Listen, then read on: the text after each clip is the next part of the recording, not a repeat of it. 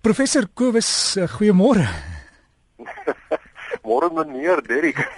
ja, ek het ek het ek het gespot daarmee want ek dog jy's dalk een van hierdie kokke want oral is daar mos televisie kosprogramme, dan is jy 'n professor, né? O, professor. Ja, nee, ek is nogal lief vir eet Derrick, so ek sou goed in daai rol kon ingepas het. ja, hoe gesond is groen eet deesdae want ek ek verkies dit nogal moet ek sê Kobus, ek koop ek hou nie daarvan om goed te vries nie en waar moontlik vars is beter, né? Nee. Ja, Derek, weet jy, uh, dit is wel so. Uh ek het egter uh 'n bietjie van 'n van 'n van 'n veragteken want dit lyk vir my soos met baie ander goed het die besigheidsmense ook hier 'n kommersiële geleentheid gesien want die uh, jy weet as iets groen of organies op hom geskryf uh, dan dan is hy sommer baie duurder. En baie keer is dit nie duurder om daai goed te verbou nie. Dis nou maar net hulle hulle hulle gebruik ons mense se se se voorkeure om 'n bietjie ekstra geld te maak. Maar dit is beter om om organies en groen te gaan. En ek wil vanoggend uh, graag 'n bietjie gesels oor elektrisiteit en ek wil goeie nuus met ons omgewingsvriende deel.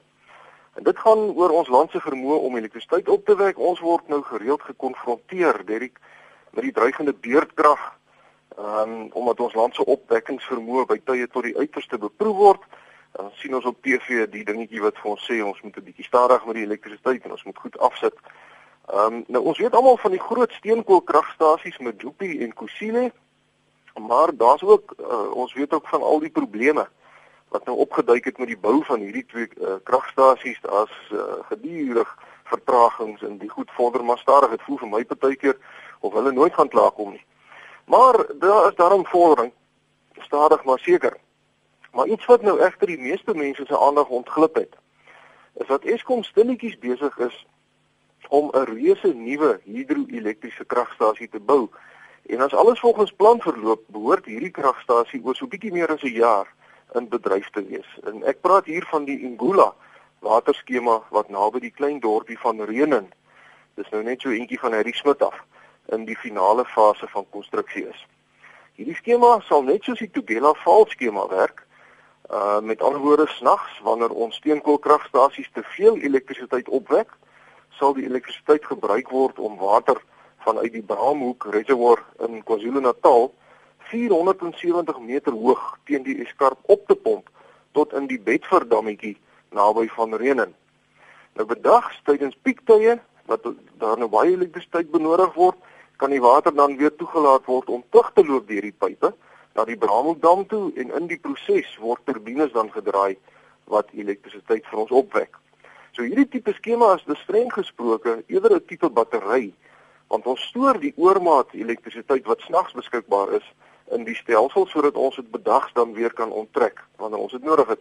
En in daardie sin is dit 'n baie groot verbetering vir ons land se kragnetwerk omdat die oormaat elektrisiteit uh, tans snags verlore gaan omdat ons dit nie op die een of ander wyse kan berg nie. So die die Engelse spreekwoord use it or lose it is hier van toepassing. Nou hierdie Ingula skema is groot.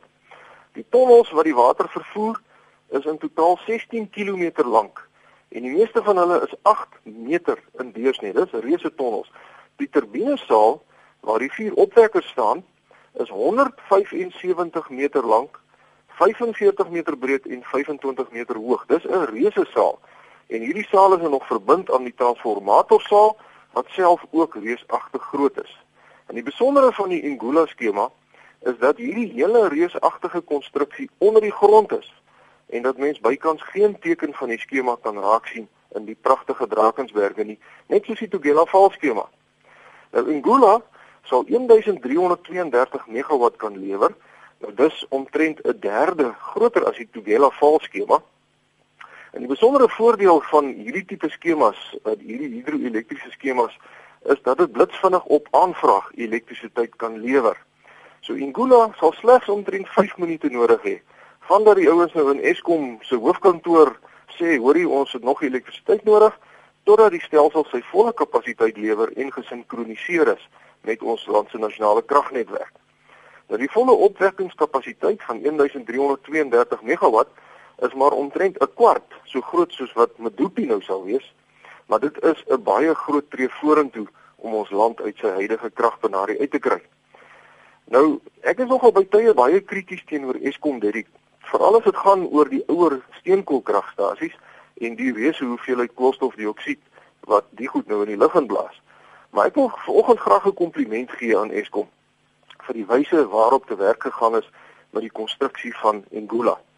Nie net is bykans die hele skema nou onder die grond nie, maar die skema is 'n pragtige voorbeeld van samewerking tussen 'n mega konstruksieprojek en omgewingsgroepe tot voordeel van die bewaring van 'n pragtige en sensitiewe deel van ons land. Die bokant van die skema is geleë naby 'n groot vlei landstelsel en ook in bergagtige grasveldbiome. En vlei lande en graslande in die berge is twee van die mees bedreigde habitatte in die wêreld. Nou in in in hierdie twee habitatte hier waar Ngula nou is, kom daar vier krities bedreigde voëlspesies voor en in die inheemse woude op die platoorrand is daar 'n verdere 280 voëlspesies wat reeds aangeteken is. Nou lank voor die projek in 2006 'n aanvang geneem het, was die Middelpunt Vlei-land Trust baie bekommerd oor die invloed van hierdie groot gewerkryne op die omgewing en die minister van openbare werke het toe vereis dat Eskom die hele area waarop die skema is moet koop. Dit is 'n area van 8000 hektaar en dat Eskom dan 'n bewaringsgebied moet proklameer in samewerking met die Middelpunt Vlei-land Trust en ook BirdLife South Africa. Nou Eskom moes ook kunsmatige neste bou vir een van die bedreigde ibis spesies omdat daarvan hulle natuurlike nesplekke nou onder die water sou wees as die damme eers klaar gebou is. Nou hierdie vennootskap tussen Eskom en die bewaringsliggame is in 2004 geformaliseer en sedertdien het al die partye pragtig saamgewerk om die hele area te omskep in 'n lushof vir natuurliefhebbers met voetslaanroetes en bergfietsroetes, kampeerplekke en dis meer. Nou tans staan die area bekend as die Ngula bewaringsarea en dit is 14000 hektaar groot waarvan 250 hektaar ongerekte vlei lande is. En die plan is om van die aangrensende eiendomme mettertyd ook te koop en by hierdie area te inkorporeer sodat daar 'n nas, uh, nasionale park gevorm word wat in die orde van 65000 hektaar groot gaan wees. Nou, omgewingsvriende, ek wil graag vanoggend aan almal wat betrokke is by die Ngula projek 'n groot kompliment toeswaai want hulle het die norm daar gestel waar volgens alle groot ingenieursprojekte in die toekoms beoordeel gaan word. Hulle het vir die res van Suid-Afrika gewys dat dit wel moontlik is om 'n reuse ingenieursprojek met groot omsigtigheid en verantwoordelikheid teenoor die omgewing uit te voer. En ek dink almal kan baie by hierdie projek leer. En dan omgewingsvriende, is daar ook goeie nuus met betrekking tot die vordering van sonkrag en windkrag in Suid-Afrika. Uh ons land se onafhanklike hernubare energieproduseerders uh vorder baie fliks. En as ek nou my sommetjies reg gedoen het, is daar 'n totaal van net minder as 3000 megawatt se sonkrag en windkragprojekte wat reeds toegeken is aan maatskappye wat by die departement van energie daarvoor aansoek gedoen het. Daar is mense in ag neem dat die Kuiberg kernkragsentrale se opwekkingsvermoë 1800 megawatt is beteken dit dat al die hernubare energieprojekte wat tans gebou word gesamentlik omtrent 1.5 keer soveel elektrisiteit sal lewer as Kuiberg. En die voordeel van hierdie projekte is dat dit skoon energie is en dat die konstruksietyd van so 'n projek baie kort is. So die meeste van hierdie projekte behoort binne 'n jaar of 2 al op dreef te wees.